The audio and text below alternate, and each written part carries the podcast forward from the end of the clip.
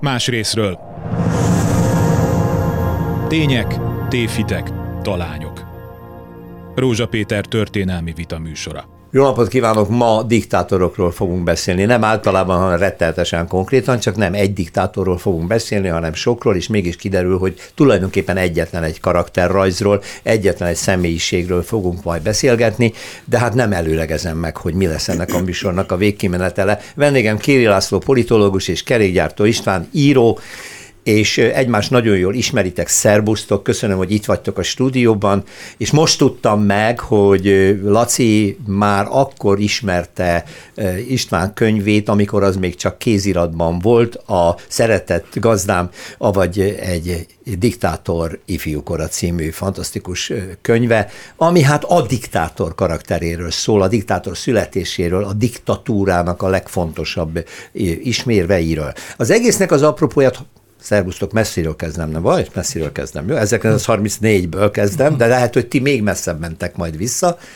34. június 30-a, ugye ez a hosszú kések éjszakája, amikor Hitler leszámol az eszával, a barna ingesek vezetőivel, Römnerrel, és hát ugye annak társaival, mert kiderült addigra, hogy ez a nagyon radikális, nagyon szélsőséges náci militáris szervezet már-már az ő hatalmát is veszélyezteti, holott akkor már egy pártállam volt.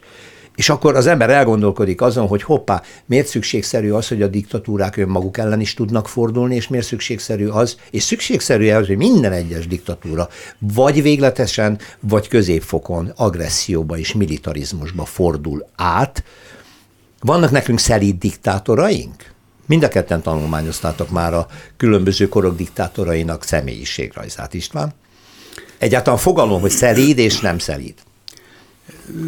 Szelíd ta, ta, talán a magánéletében, talán vannak olyan gépírónők és feleségek, akik, akik a szelidet látják benne, de igazából nem lehet szelíd a, a politikai ellenfeleivel, mert ő ellenségként tekinti őket. Nem lehet szelid azokkal, akiket magának kitalál ellenségnek. Én úgy gondolom, hogy a, a politikai tevékenységében nem lehet szelid, ott mindig agresszív és vad. Ettől persze még mesélnek olyanokat, hogy, hogy a magán életében, a családjával, és mondom, mert vannak ilyen titkárnők és gépírónők, hm. akik, akik, akik Pedig milyen jó ember volt. Én, én, én annyival kiegészíteném, hogy, hogy jó a kérdés, mert hogy a szelítség valahol része ennek a képnek, ugyanis a diktátorok legfontosabb összetevőik közé tartozik a személyi kultusz is.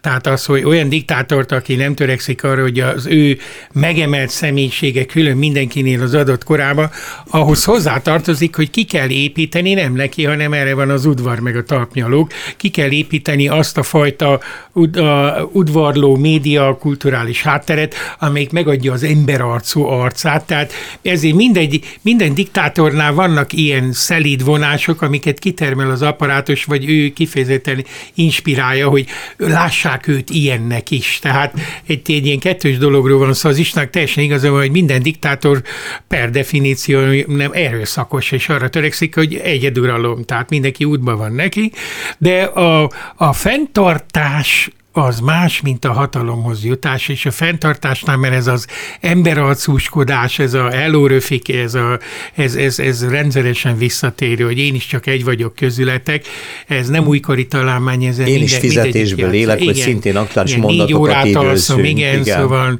disznósajtreceptről beszélgetek világhírű tudósokkal, szóval ez, ez mindenkinél visszaköszönt, hogy imádta játszani a, a egy vagyok közületek. De ez nem a szeretet hiánynak a jele?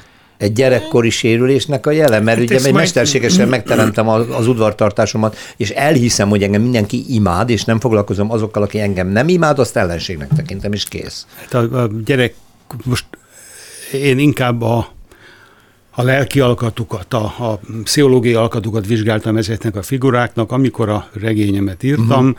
akkor jó ideig tanulmányoztam Napóleontól, aki az első polgári kori diktátor volt, Igen. mert mások a középkori, ókori, ahol, ahol rabszolgákkal is. Tehát itt a polgári diktátorokkal foglalkoztam, polgári világ diktátoraival, akik annyiban mások talán, hogy itt nem a jog alapján alávetett figurák vannak, hanem egy részét meg kell nyerni személye, tehát mindegyiknek van olyan tulajdonság, amivel képes kisebb-nagyobb tömegeket megnyerni, majd pedig, majd pedig ezek segítségével szintén szabad polgárokat tesz valamilyen módon függővé. Tehát Napoleon indulva néztem Hitler, Stalin, Franco, Mussolini, aztán a modernebbeket is Kadhafi-tól és nagyon sok közös mintázatot találtam ezekbe. Most pont a gyerekkort említetted, szinte mindegyiknél a gyerekkorban egy agresszív, abuzáló, szörnyeteg apa szerepel.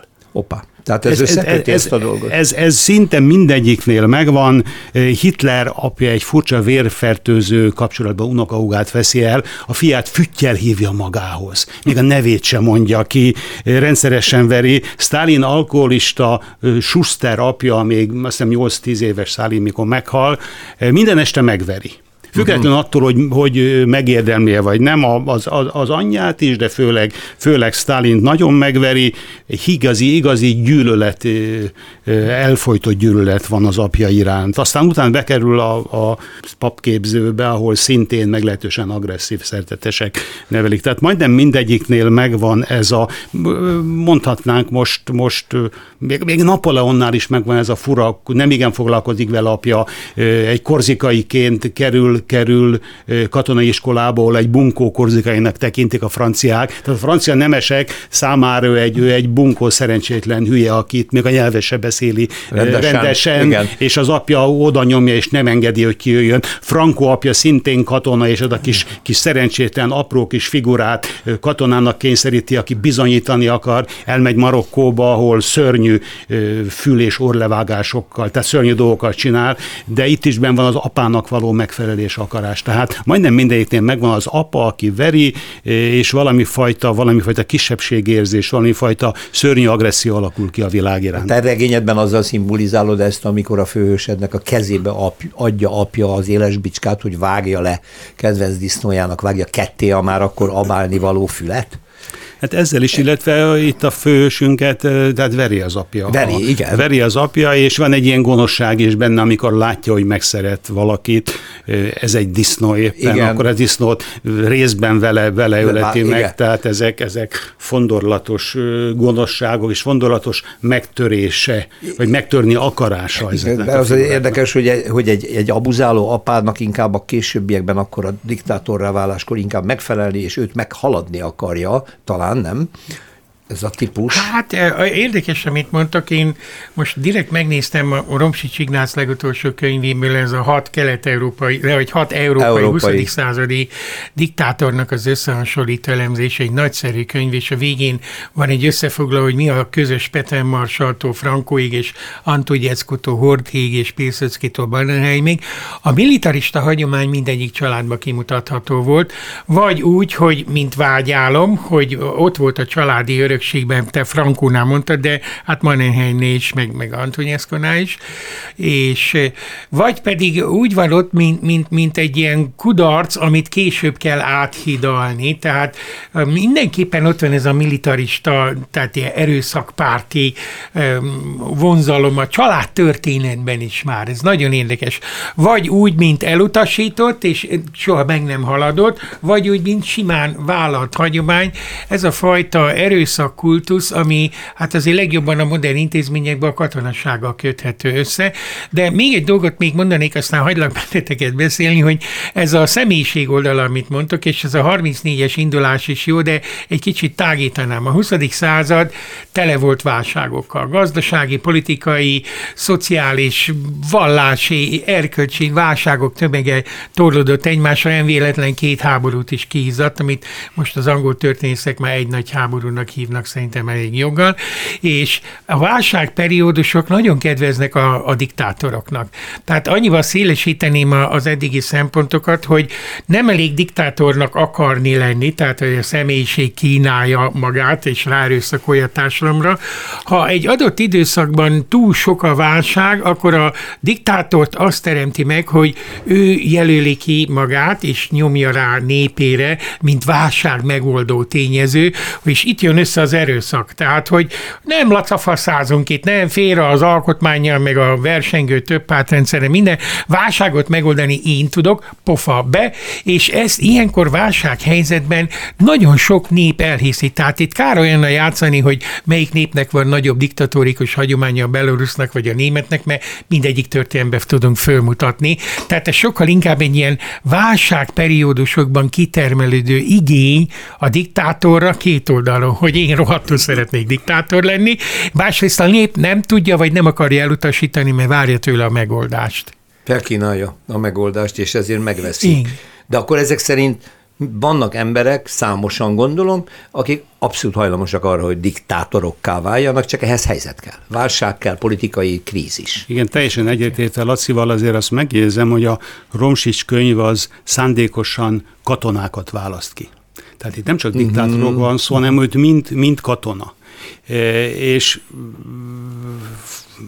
nem azokat, akik katonává lettek, ahogy, uh-huh. ahogy Stalinból lett, hanem effektíve, akik katonai pályán mentek tovább, és azért itt nyilvánvaló, hogy a, a katona apa előd az, az, az jellemzőbb, de, de mondjuk Stalin valóban, aki ez a, ez a részeges, szerencsétlen, hülye Schuster apa, Apja, hát aha. ott aztán nem kapott semmilyen fajta értéket és, és fogantatás, hogy majd ő katona legyen. Tehát azért én azért szétválasztanám, és valóban itt, van, itt vannak ezek a katonának tanít, tehát eleve katonának szánt figurák, és itt van a többi, aki, és ebben teljesen egyetértek, hogy a válság időszakok azok, akik kihozzák belőlük, és itt már említettétek a, az erőszak, kót, ahol azt mondanám, hogy, hogy ez egyrészt, hogyha lélektanilag nézzük, akkor egy kisebb érzésből fakad. És nagyon érdekes, hogy hogy Stalin azt mondja magáról, hogy a legszörnyűbb időszaka életének nem is az volt, amikor verte az apja, hanem amikor Szibériába, számüzetésbe eh, Plehanovval, meg Trockijal kellett este beszélgetni, és ezek az értelmiségi gyerekek mondták neki, fogalma nem volt erről az egészről, gyűlölte, utálta őket, hogy itt okoskodnak, ő pedig, ő pedig bunkó hozzájuk képest műveletlen bunkóként, tehát ott utálja meg a polgárgyerekeket, ott utálja meg a polgári értékeket, és ugyanez igaz Hitlernél is, aki be akar kerülni a, a művészvilágba, és ő festő akar lenni, és ezek a lipsi, zsidó, városi, nagypolgár figurák. Wittgenstein, és ott volt a család, a, a, a család nem akármilyen család. volt a két nem, ember. Nem akármilyen család volt a Wittgenstein család. Na most e, tehát e, kialakul bennük, és majdnem mindegyiknél lehet, e, meg lehet ezt látni. Chávez ugye a busz sofőr, sofőr, aki még, még, ez, még talán érettségie sincs. Tehát a sok ö, szerencsétlen kisember, akit megaláznak, akit megaláznak, és ebből a megalázottságból én majd én egyszer megmutatom nektek, ez a szörnyű düh, és, és hát, és erre van egy gyönyörű verse a, a Kemény Istvánnak a nyakkendő. Nem tudom, ki ismeri, ki nem, de ajánlom a hallgatók. Akkor ezt majd könyvtárból gyorsan kölcsönözzük. A műsor után, mert sajnos én nem ismerem, és nem tudom idézni. Egy, egy, egy fantasztikus vers Magyarországon játszódik, ahol, ahol, ahol egy ünnepi fogadás előtt az új fiatal politikai erő ott van, fiatalok és idősebbek, és egy idősebb úr oda megy és megigazítja ja, fiatal ez egy ismerős ez pillanat. és erről egy ragyogó. Tehát ez a, fajta, ez a fajta úgy érzi, hogy megalázottság, ez a fajta be nem fogadottság, ez a, ez a kívülrekedés ebből, és ebből aztán, amikor hatalomra kerülnek, akkor jön már a, jön már a leszámolás ezzel az elittel. Ezek értelmiségellenesek, elitellenesek, jön a bosszú. Jön a bosszú, hogy nem engedtetek magatok közé, mindegy, hogy nem ismeri, nyilván nem ismeri be, hogy ő nem volt elég alkalmas, nem volt tehetséges, nem lehetett volna belőle művész, nem lehetett volna belőle filozófus, de gyűlöli őket, mert egy külön kaszt, ami, amiben ő nem fér be, tehát akkor ő eltapossa ezt én összetettebbnek látom, és mindjárt megpróbálom megmondani, hogy miért, hogy egyfelől valóban gyűlöli, és akár meg is semmisíti azokat, akikkel nem tud mit kezdeni, másrészt mindig parvenő. A, a diktátor mindig parveni, és imádja magát, eh, a Nero emlékeztek biztos, hogy, hogy a halál előtt abba bukott bele, hogy olimpiai bajnok akart lenni, és elvitte az egész lepet olimpiába, és kiderült az utolsó pillanatban, hogy a fogadhajtásba akarnak indulni, és ezért az aparát is kiírtotta először nap azokat, akik elindultak volna, és egyedül megnyerte, aztán vissza a városba már nem tudott jönni, mert a, kitört, de ez minden. Csak ezt akarom mondani, hogy Néróról tudjuk ezt az őrültséget, hogy művésznek és sportolónak is akart lenni, de ha végig nézünk az összes többén, a, a, a Trump nem tudott diktátor lenni, mert az a rendszer nem tette azt, lehetővé, azt még nem. de az a parvenőség, hogy ő mindenhez ért, ő, ő a Covid-hoz is azon nagyobbat ért, a külpolitikai viszonyokhoz is mindenhez ért, tehát ha szétnézünk a diktátor típusúak között, soha nem éri be pusztán csak a hatalom fiktótatásával. Útban van neki a hagyományos értelmiség, de imád termelni látszat értelmiséget, amelyik őt is annak partnernek tekinti, és ennek a dinamikáját eh, Miroslav Klezsáról már nem szokás beszélni, egy nagyon jelentős horvát író volt a, a délszláv irodalom történet egyik kulcsfigurája. Neki van egy olyan könyv, egy Banket Blitvában, én az István előképének tartom ezt a könyvet, mert egy nem létező kelet-európai állam diktátorát írta meg, uh-huh. Mhm. Barutánszkiként, amiben szándékosan benne vannak a, a lett, a román, a lengyel, a horvát, a szer, bolgár elemek egybe, és ez a Barutánszki állandó vitában van az értelmiséget képviselő újságíróval, aki nem törik be, de szinte ráteszi az életét és a hatalmát, hogy betörje azt a nagy tekintélyű újságírót, hogy az is mellette legyen ből, csak azt akarom kihozni, hogy nem egyszerűen értelmiség ellenesek a diktátorok, hanem azzal a értelmiséggel nem tudnak mit kezdeni, ami az ő hatalomgyakorlása szempontjából értéktelen. Olyan értelmiséget nagyon is szeret mímelni, és nagyon is igyekszik olyan lenni, hogy, hogy hát értek én a filmhez, értek én a szobrászathoz, értek én a térképészethez, ahol azt hiszi, hogy visszakapja ezt az igazolást az ő legsúlyosabb hiányosságában, a műveletlenségében, mert, mert minden diktátor végül is nem csak parvenő, hanem tahó is. Vagy, a, vagy azzá válik. Ha igen, ha volt valami művetség, akkor lepusztítja Rájön, magáról. hogy az ne, azzal igen. nem megy semmire. Igen. Ezzel, ezzel teljesen egyetértve, azt mondom, ez viszont abból fakad már, hogy majdnem mindegyikben kialakul az omnipotencia tudat, a mindenhez értés, hogy mindent tudok. Na most erre az omnipotenciára pont, hogy Laci felvetetted, hogy ők azok, akik, akik már a elitnél is jobban tudják, hogy, hogy mindenkinél mindent jobban tudnak.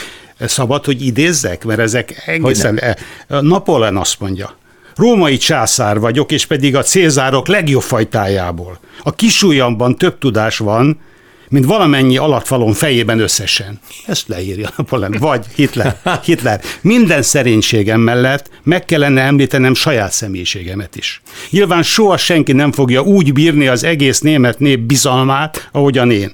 A jövőben nyilván sosem lesz több olyan ember, akinek nagyobb tekintélye lesz, mint amilyen nekem van. Tehát az, hogy én létezem, igen nagy érték. Azt De most tehát, eh, tehát eh, ez Hitler? Hitler, vagy azt mondja, Hitler mérje magáról, az emberiség páratlan zsenieként tévedhetetlen vagyok. Zseniális és világot felforgató alkotásai vannak, amikor erre gondolok, úgy érzem, már nem is tartozom a halandók közé. Ez Na, nagyon jó. A többi így gondolkodik, a Hitler leismerte írni. Bocsánat, is így Napol, Napoleon is leírja, tehát Napoleon is mond ilyeneket, hogy a, a, ő, ő több, a kisujjában több van, mint az összes alatt. Tehát ezek a figurák úgy gondolják, és nyilván amiatt, mert a talpnyelőjék bólogatnak, úgy érzik, hogy minden sikerül nekik, amíg hatalmon vannak, bármit megtehetnek, és emiatt, emiatt tévedhetetlenek hiszik magukat, lassan már halhatatlannak hiszik De, magukat. Tehát akkor azt mondja Kerékgyáristó István, hogy kell a alatvalók visszaigazolás, hogy te vagy a legzseniálisabb, te tényleg mindenhez értesz, csak tőled várjuk a megoldást, te vagy az Isten, aki meg, és akkor ő ezt magáévá teszi, és ki is nyilvánítja. És e- ebből azt hiszi, hogy ő, ő, ő mindent meg tud oldani, mindent jobban csinál, illetve, ahogy mondtad, vannak haszontalan dolgok, gondolja, lehet, hogy verseket nem olyan fontos, nem kell írni, de Azt hogyha fontos lenne, akkor én megírnám a legjobbakat. a, a, annyiban még hozzátenném, hogy a dinamika is érdekes, tehát a diktatúra az nem úgy jön, mint a villámcsapás, megvan ennek a maga folyamata, amíg diktátorá válik, addig fölhasznál nagyon sok olyan embert, akit egyébként is gyűlöl, nem csak akkor kezdi gyűlölni utólag, ha elpusztítja, pontosan tudja, hogy az neki mire való, aztán amikor már biztos a dolgában, már minden intézményt semlegesített, már mindenkit kiírtott, akkor jön ez a fázis, amit mondtok, hogy akkor már csak a talpnyalókat tűri el.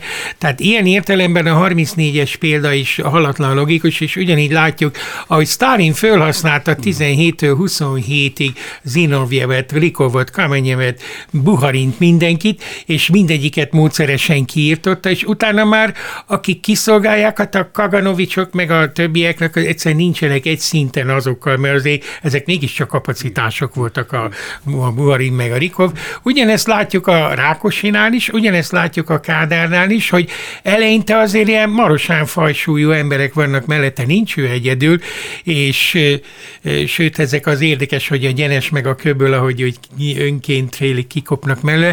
Aztán ez, ez mondjuk más a Kádár, én nem a szabályos diktatúra, nem is tudom, nem is mondanám annak, de azért ő is imádta kerülvenni magát azokkal a gond nélküli, kritikátlan kiszolgálókkal, és Na, és aztán na mindegy, belebonyolódó. Azt akartam ki, csak mondani, ja, hogy bocsánat. később jön, a, a, amikor már a diktatúra stabilizálódik, akkor jön az a fázis, hogy már akkor csak a talpnyalót tűri el.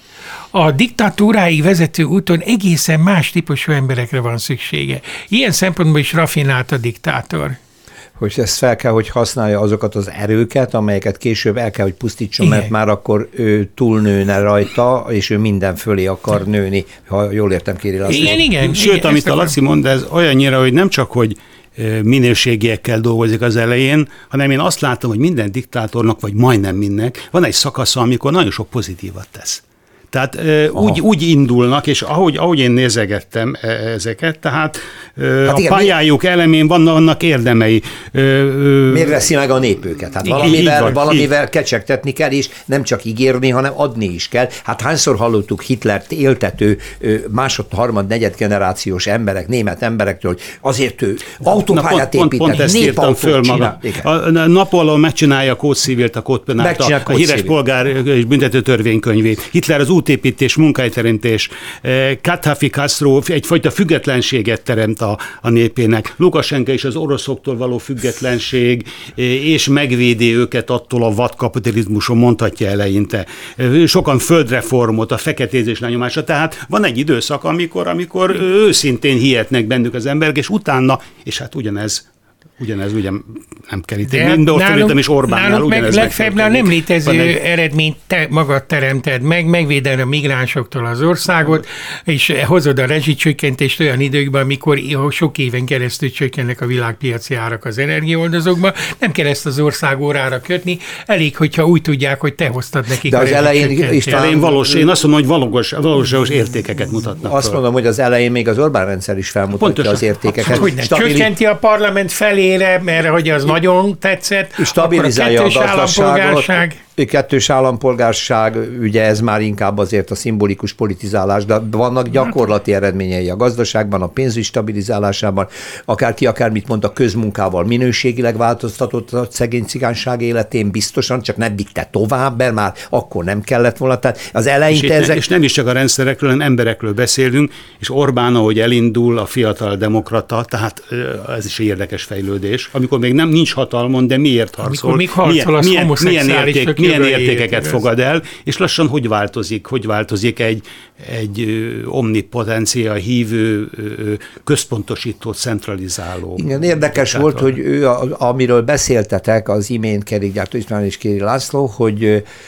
egy ideig fel kell használni az értelmiséget, a, a, a szellemi értékeket, stb. a diktatúra képítéséhez. 2010-ben nem sokat lacafacázott az Orbán Viktor, amikor rögtön bemutatta a filozófusok elleni büntetőeljárásnak a lehetőségét, ugye megtámadja a Krém de la Krémet, a Tudományos Akadémia Filozófia Intézetének legnevesebb és világhírű embereit, és ezzel híveinek fel akarta mutatni, hogy na ezzel a liberális elittel én leszámolok. Ez egy nagyon-nagyon-nagyon aljas és kemény lépés volt. Szerintem ez egy jó kiinduló pont ahhoz, hogy Kéri Lászlóval és Kerekgyártó István innen folytassuk. Más részről. Tények, tévhitek, talányok. Rózsa Péter történelmi vita műsora. A szünet előtt Kéri László politológussal és Kerégyártó István íróval beszélgettünk a diktátor természetrajz, a diktátorok születéséről, a diktátorok jellemzőiről, és hát nem véletlen és nem lehet kikerülni, hogy eljutottunk Orbán Viktorig is. Ugye ott tartottunk, hogy egy ideig ö, a diktátor építi hatalmát, akkor felhasznál bizonyos embereket, bizonyos társadalmi csoportokat, amelyeket később félelők, akár radikális időszakokban ki is írt, mint Stalin, mert már akkor nincs rá szüksége. És erre mondtam, hogy Orbán viszont érdekesen indult tízben, mert rögtön neki ment a filozófusoknak, és akkor nem is volt vége, ugye, Laci, Nem, a hanem folyamatnak? emelte a tétet, és én sem értettem ezt eleinte, amikor már a CEU-val megvolt ez a nemzetközi botrány kiváltó leszámolás, akkor sejtettem, hogy többről van szó, és amikor módszeresen és jellemző, hogy ezt is a Palkovicsra bízta. Személy szerint nem volt ott. Az akadémia többszörös megalázása, kizsigerelése és jelentéktenítése.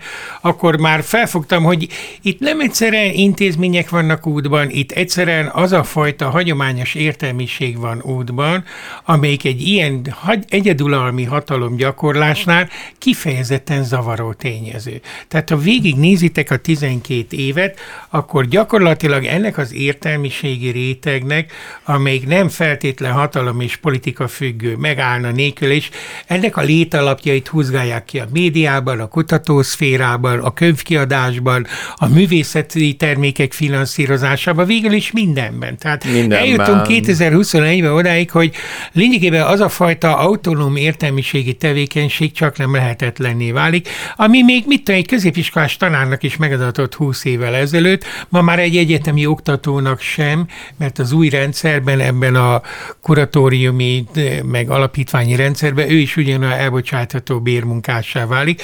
Tehát én azt látom ebben a 12 évben befejezett folyamatnak, hogy egy ilyen lehetséges egyeduralmi, én még nem tartanám az Orbánt diktátornak, sem diktatúránk, ami Magyarországon van, mert például mi is itt beszélhetünk, tehát még sok mindent lehetne. Hát igen, de ez a szomszéd effektus, hogy igen. most még csak a szomszédot viszik el holnap de engem. Szóval hol ennek a a vége. Az, jobban te szeretem ezt a Kornaitól Kis Jánosig autokráciának tartott rezsimet, és nem győzöm, hogy ez folyamat. Hát ha lesz még tíz éve, akkor nem kérdés, hogy diktátor lesz, de hogy ennek az egyik legfontosabb előfeltételét az autonóm értelmiségi létnek a totális lerombolását intézményekben, jogszabályokban, anyagi feltételekben, mindenben vég, végvel vitte ebben a 10, 12 évben, ez egy igen fontos feltétel feltétele annak, hogy a társadalmi háttér megteremtődjön, mert nem lesz, aki lármázzon.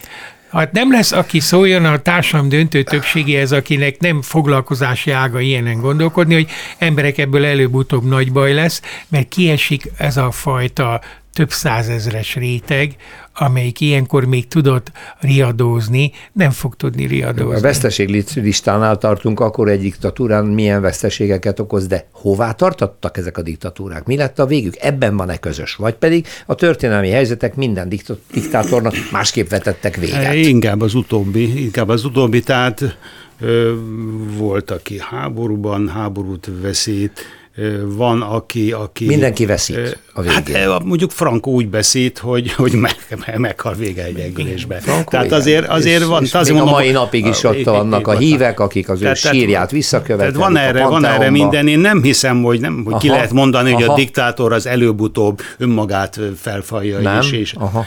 Nem, van, aki, van, aki igen, Arturo, van, majd, nem mindenki Arturo majd, majd, majd, majd mond, mondom a, a, le, a legőrültebb dolgot, kevesen hallottak róla talán majd később, akinek még mindig a családja ott van egy kis közép-afrikai állam, hát van, ahol évtizedekig a legőrültebb dolgokat, vagy mondjam most, mert ilyen, ilyen nincs, tehát én ezt Ruszpainnak szántam.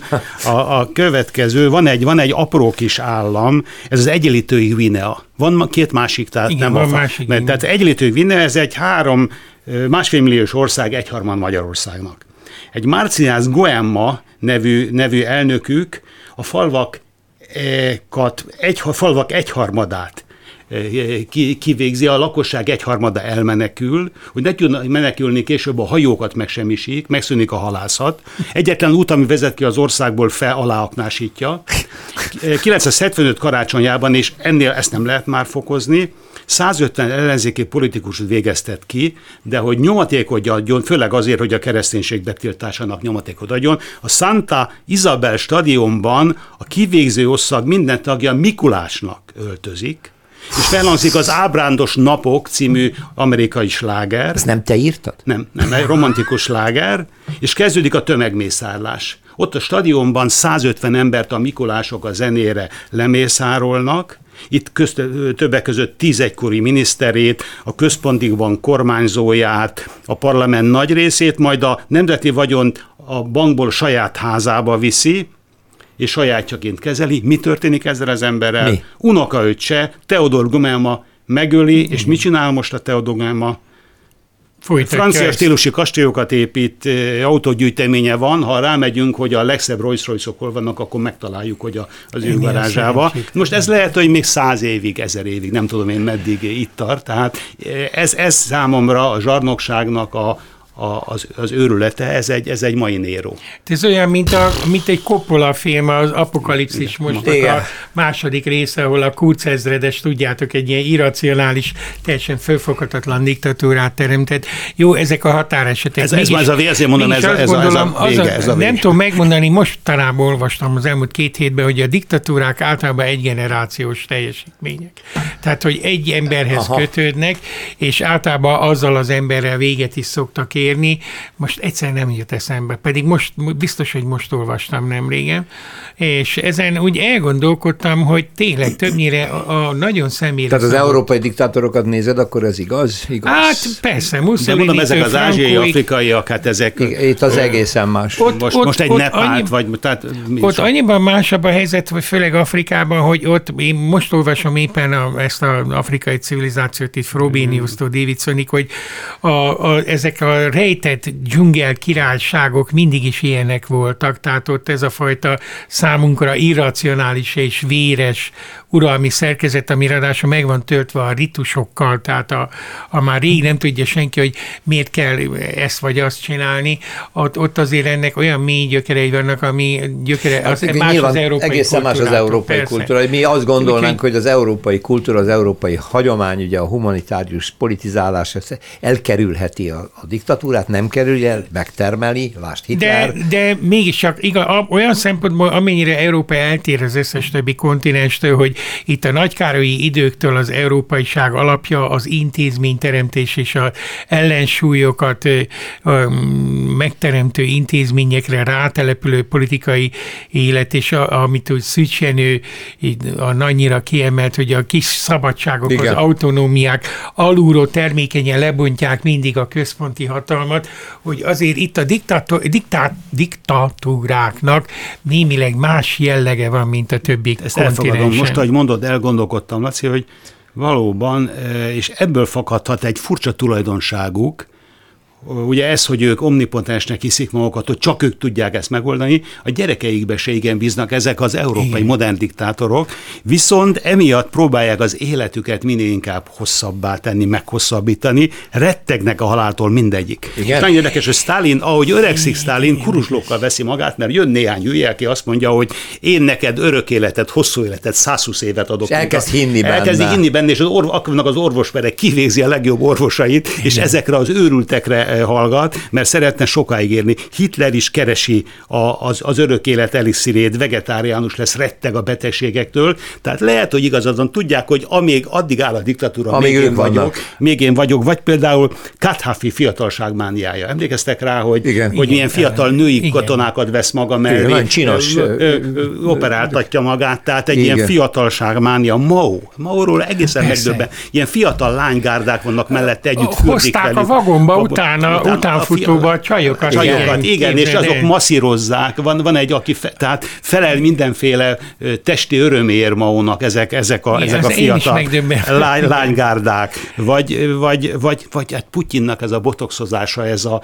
ez a, ez a fiat, ez a sport. Be, a, hát ez a macsózás, macsó, ami, ami nyilván, hogy ezek... Is ott van. Mondok neked erre még, még egy ilyen, ilyen történelmileg abszurd ezt most, ezt most lezárom. Ez, ez bennük van, illetve a keletiek, a volt szovjet udóállamok próbálkoznak, hogy a gyerekeket behozni. Tehát ők próbálkoznak valamifajta dinasztikus, valamifajta dinasztikus megoldással, de itt Európában, és hát Castro halálával is igazából jött a testvér, de az már, az már nem, nem az nem igazi. Az igazi nem, ebben igazad van, hogy ezek az, egy generáció. Ez az örök életmánia, nem emlékeztek ti Cheng Shi Huangti, a kínai az időszállítás előtti második, harmadik században a korai Kína első nagy ele, ő első a kínai történelem egyik kitüntetett alakja, ő egyesíti először Kínát. Előtte van a hét királyság harca, meg minden. Szóval egy hihetetlen jelentős uralkodó, órákig tudnék róla itt ünnepi beszédet tartani, és abba hal bele, hogy beleőrül ebbe az ölek, örök élet elixírbe, és akkor valahonnan úgy tudja, hogy a higanyfogyasztás az az, ami, úgyhogy gyakorlatilag megmérgezi magát, magát, örök életű akar lenni, és benyalta ezt, amit ott mondtak, hogy a higanya lehet De ugye a minden hatóság tudattal akkor együtt jár az örök életűség, igen, ugye az igen, istenség igen, fogalom, igen, tehát az, hogy én minden, mint ahogy ők elég gyártó Isten idézte Hitlert, megdöbbentünk itt Lacival, hogy, hát ez... hogy önmagáról mit, ki nem mondott, mert az, hogy a hívek mit mondanak egy diktátorról, Én azt hittem, van. hogy ilyet a Spiro tud csak írni, ez megdöbbentő. Leírja, leírja. Nem, de hát ugye most megint egy pillanatra Orbánról beszélve, mi, mi láttuk, hallott, hallottuk, az elmúlt tíz évben fokozatosan a nyelvezete úgy alakul át, egyes szám első személyben és indul militarizálódik. Már, és militarizálódik. Igen. Tehát önmagát építgeti fel, és ő Emelem már... a nyugdíjat. Em, majd, ha lesz egy kis pénz, megemelem, igen, mondta igen, a néninek igen, a Hello igen, Röfi alkalmából. Igen. igen. Tehát, most, most tovább lendülve erről azt mondhatjuk, hogy mindenhol megjelenik a mitoszgyártás. Igen. Tehát mitoszokat, aha, aha, mitoszokat hoznak létre, hogy ők a ők a megmentői a népüknek, a hazájuknak,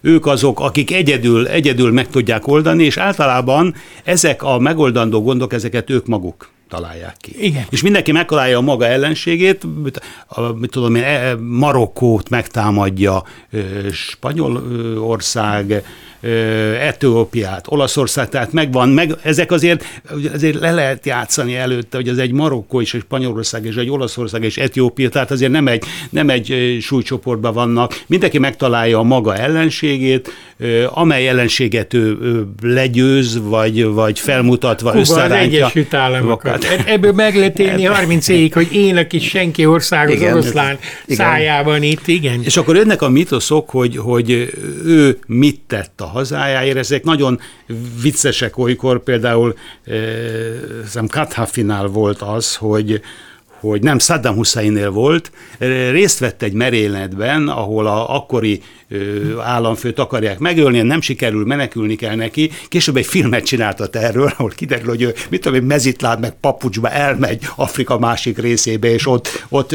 serkenti tovább a forradalmat, és visszajön, és ő megöli. Tehát ilyen nyilvánvaló hazugságok, ahogy aztán Brezsnyev is beretusálja magát a második, azt jelölte hát többet tudsz. Meg a Sztálin, hogy, hogy, a, hogy ő, ő nyeri meg a világháborút. Tehát e, e, ezek, e, ez a mitoszgyártás, aztán mondom oda fajul, hogy ő az, aki, és hát az oroszokat is, ugye, vagy szovjeteket is Orbán küldik ki igen, Magyarországról. Ugye, ő, ő, Tehát megjelennek ezek a furcsa, furcsa mítoszok, igen. amikben én, én az utcai a... szabadságharcos, igen, a kommunista a... diktatúra ellen. A, de álljunk itt meg egy pillanatra, mert ez szerintem az egyik legfontosabb pont, a, a fennmaradáshoz is, az elfogadtatáshoz is, és a diktatúra önképéhez is, hogy ez, ahol az egész átsúszik az irracionális tartományba. A mítoszképzés azért is fontos, mert hogyha a mítikus gondolkodásmódot rászabadítod a társadalomra, akkor megfosztod a racionális kontrolltól. Amit István az előbb elmondott, biztos nem tudja, egy, egy Sinko Ervin nevű nagyszerű vajdasági filozófus, író, irodalom történész írt erről a Klezsa könyvről, egy százoldalas eszét a 60-as években, és azóta cím, hogy a, vé, a véres mítosz. Igen, életem első cikke kritikát. volt, amit én 20 évesen magyar hírlapban írtam. Nagyon tetszett ez a véres mítosz. Pont ezt írta meg a Krezsa könyve kapcsán a, a, a Sinkó abban a hatalmas eszében, hogy ennek az egésznek a fennmaradásának a titka a mitizálni kell a társadalmi folyamatokat. Tehát ez a vérnök közösség, hogy bennem testesül meg a nemzet ezer évekre visszanyúló gyökérzete, a másoktól én mentem meg, hogy miattam áll még a nemzet itten a, a hájkolódó, mettem, és állandóan ilyen metaforákban beszélnek, amik ugye nem megfoghatók. Tehát a reális konfliktusok, amik akár etnikaiak, akár vallásiak, akár ilyen osztálykonfliktusok. Ezeket át kell tolni egy ilyen mítikus mezőbe, ahol a megoldást, a titkot csak a vezér tudja egyedül, és a nép meg annyira tehetségtelen, hogy a titoknak soha nem jön a nyitjára, és csak addig működik a mítosz, amíg a mítoszt megtestesítő ember, a titok tudója megvan. Ezzel játszik mindegyik. Hogyha most a, például az Orbánnál nagyon érdekes ez a hegykeség, végig figyeltem a, a, az oltási kampány idején. Rendszeresen igyekezett úgy csinálni, hogy, hogy én vagyok, aki átlátja ezt az egész igen, vírushelyzetet. Igen, igen. Senki nem tudja. Ő írja így, a forgatókönyvet, igen, én látom előre, hogy május 1 ennyi lesz, Igen. meg annyi. Szóval ez a fajta halatlan magabiztosság, ez a tipikus mítoszképző tényező, hogy egy olyan problémában, ami milliók számára óriási gondos képtelenek áttekinteni, mert annyira ellentmondásos információk közepette kellene eligazodni, hogy nem tudja még az se, aki megszólal a szakértőként. Jön egy fickó, aki közli, hogy így volt, így lesz, és azért, mert én előre megmondtam, hogy így lesz, ekkor lesznek szabadok, ekkor... Szóval a mítoszképzés kérdésnek, valaki remélem egyszer megírja, az Orbáni magatartás tavaly márciustól egész mostanáig, hogy az én kezemben van, miközben tudjuk, hogy egy frász. Tehát egy olyan globális folyamatról van szó, amiben a politika egy, és nem is biztos, hogy a döntő tényező, de el tudja hitetni, és Magyarország népének szerintem jelentős része most is elhiszi, hogy ő megmentette. Na most a, ez a kérdés. És e- ehhez, igen? tehát itt, itt kapcsolnám be, amit én mondtam már korábban, hogy beszéljünk arról, hogy valóban szociálisan mennyire érzékeny ezek a figurák, mennyire nem. De eladják azt, hogy én vagyok a nép megmentője, a nép barátja, rengeteg populizmus van ezekbe közben, és most erre példákat mondok. Én ledöbbentem, hogy, hogy mennyi, azt mondja Napóleon, idézem, az emberiség undorít. Az érzéseim meghasonlottak, nem maradt számomra más, mint hogy tökéletes egoistává váljak. Vagy azt mondja Hitler, nem azt mondja, hogy Hitlerrel mi történik, ez e, így megdöbbentő számokban néz be, 39-ben kiadja azt a rendeletét, hogy elmebajban valami gyógyíthatatlan betegségben e, lévőket likvidálni kell, 5000 gyereket és 100 ezer felnőtt német állampolgárt ölnek meg 39-be. Tehát ez a, a selejtet ez a, ez a, ez a, ez a, ez a, a, a, a, a viszonya. Stalin 37-ben 5 millió embert vett börtönbe, 37-38 között 8 millió ember tartóztatnak le, 1 milliót kivégeznek, és 2 millió meghalnak a börtönökben. Tehát a, a, vagy, vagy, vagy azt mondja Napóleon, hogy... A orosz, vagy ott van az ukrajnai éhínség, éhínség amely szintén Stalinnak a, a számlájára. Tehát hihetetlen módon érzéketlenek szociálisan, és ha megnézzük, hogy nálunk mi történik, megint csak ez a legszegényebb két millió igazából nem nagyon, nagyon, Ez a nem nagy, számít. Nagyon nem számít. Hogy habozás nélkül föláldoznak bárkit, ez nagyon érdekes, mert az áldozathozatal is a ritus és a mítosz része. Tehát ilyen szempontból a, a beépül ez a, ez a partalan erőszak ugyanebben az összképbe, hogy egyrészt két funkciója van. Ezt, ezt nem is értettem, csak most, amikor az asztékoknak ez a mániákos emberülési szokása volt, akkor néztem, hogy, hogy egyrészt az élőket figyelmeztetni, hogy a kezemben vagytok, tessék, bármikor lehetsz ott, másrészt meg aktuálisan le lehet számolni mindenkivel, aki tényleg veszélyes rám. Tehát ez egy nagyon dupla fenekű, nem tudom, hallottatok erre, Ola Zsámbéki megrendezte azt a Császár című Richard Kapuczynski naplót. Az, a, a, a napló, a csak napot els, ismerem. Elsöpörte, én éppen láttam, mert még utolsó pillanatban, ugye annyi bemutatót elsöpörte a járvány. Ez, ez tavaly ősszel. Jé. Tavasszal lett volna bemutató, de ugye jött a pandémia, őszre tolódott a bemutató, és ősszel is csak egy, egy hónapig volt szezon, úgyhogy én éppen akkor láttam ezt a, a császár. Ez uh-huh. Hailé Szelaszéről szól, Igen, igen, Na de igen. a talpnyalók szemszögéből. Hajlé Szenszélyes egy rohadt szót nem szól, csak ott ül a mhm, színpadon, uh-huh. és a, a, a, mit a, a, a főétekfogótól kezdve a pénzosztogatóig, a, az oroszlán gondozóig mindegyik elmondja, hogy ez a rafinált császár milyen hihetetlen agykapacitással tartotta észbe mindenkinek a gyöngeségét, Aha. és minden jó hírhozója ő volt. Kifejezetten megtiltotta mindenkinek, hogy bármi jót cselekedjen, ha nagyon muszáj volt jót cselekedni, akkor az úgy volt, hogy az, az ő hozza. Na most azért ezek is elég ismeres. hát, még, egy, még egy idézet, hogyha itt borzongatni akarok. Azt mondja Napóleon, Franciaország olyan szeretőm, aki örömmel fizet azért a boldogságért, hogy odaadja magát nekem. Hogyha félmillió emberre lesz szükségem, akkor a kedvesem annyit ad. Mondja az, or, mondja az orosz hadjárat előtt.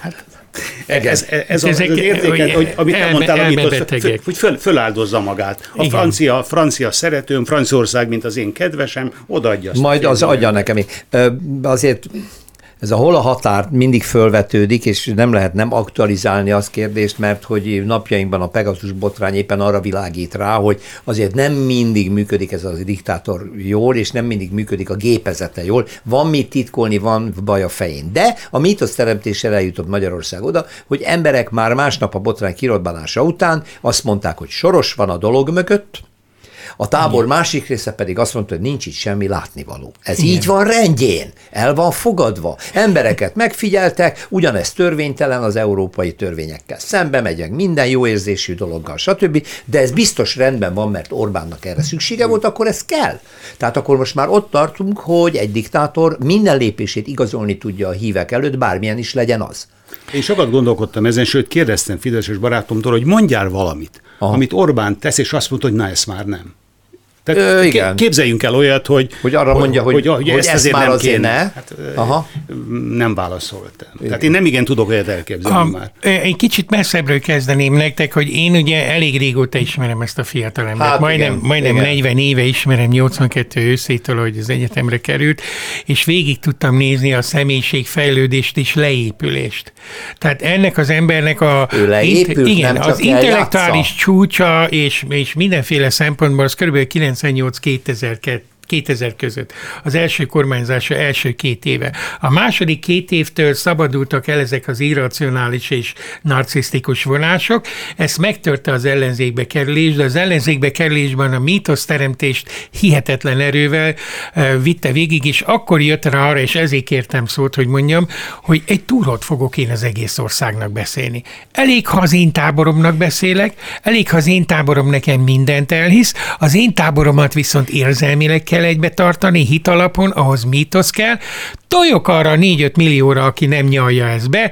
A lényeg az, hogy ezek elmenjenek egységesen rám szavazni, a többieket meg majd összeugrasztom valahogy, és nem érdekel, hogy a 10 millióból 6 millió hülyének néz, kiröhög, nem hisz nekem, rajta kap a hazudozáson, amíg az engem megválasztó tábor. Egységesen ott van, csak neki beszélek, azt a nyelvet használom, azt a mitológiát teremtem, és ezt nem értik a, a, a akkor mondjam így, hogy ebben ennél a rádiónál vagyunk, gondolom mondhatom, hogy, hogy az a fajta többség, aki ezt nem nyalja be, ezt nem érti, hogy nem nektek beszél. Értsétek már meg, hogy ti hiába kapjátok rajta naponta hazugságon, ez oda tartozik, amit te mondtál, hogy, hogy kérdezted, hogy mondjon egy jót.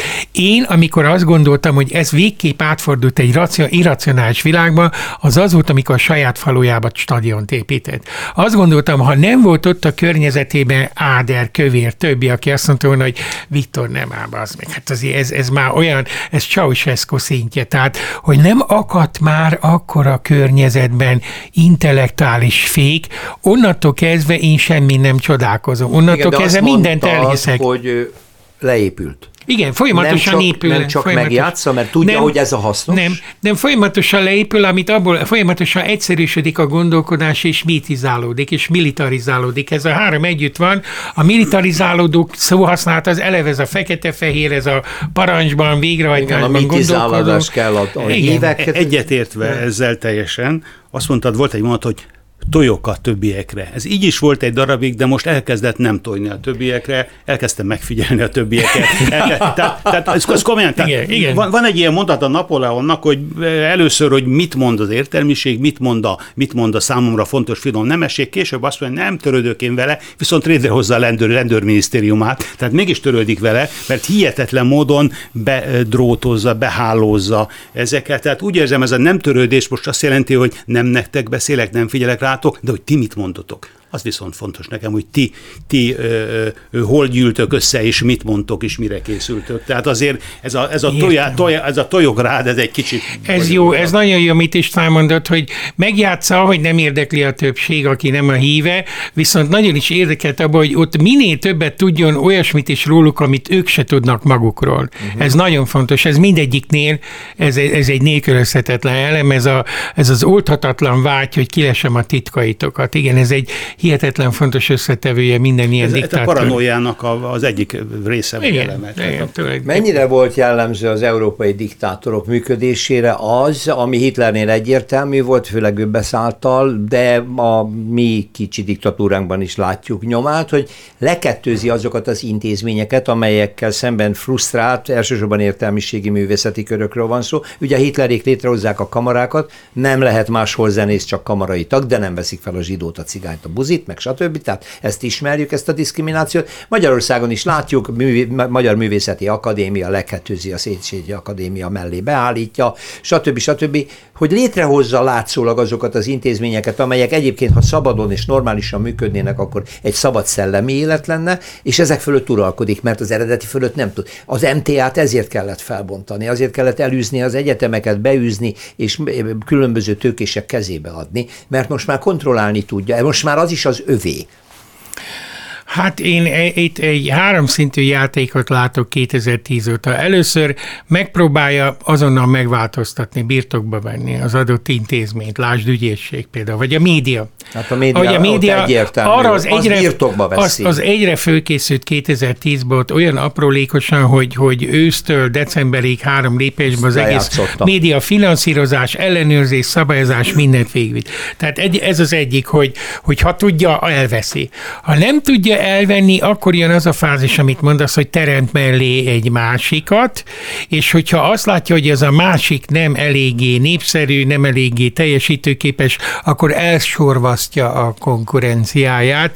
Tehát én, én ilyen több fázisú mozgást látok ebben, de a, a, a lényeg az az, hogy a, a diktát, diktátor szempontjából a hozzávaló lojalitás minden más szempontnál fontosabb. Ha hozzá lojális, akkor még azt is eltűri, hogy más legyen, mint ő. Aha.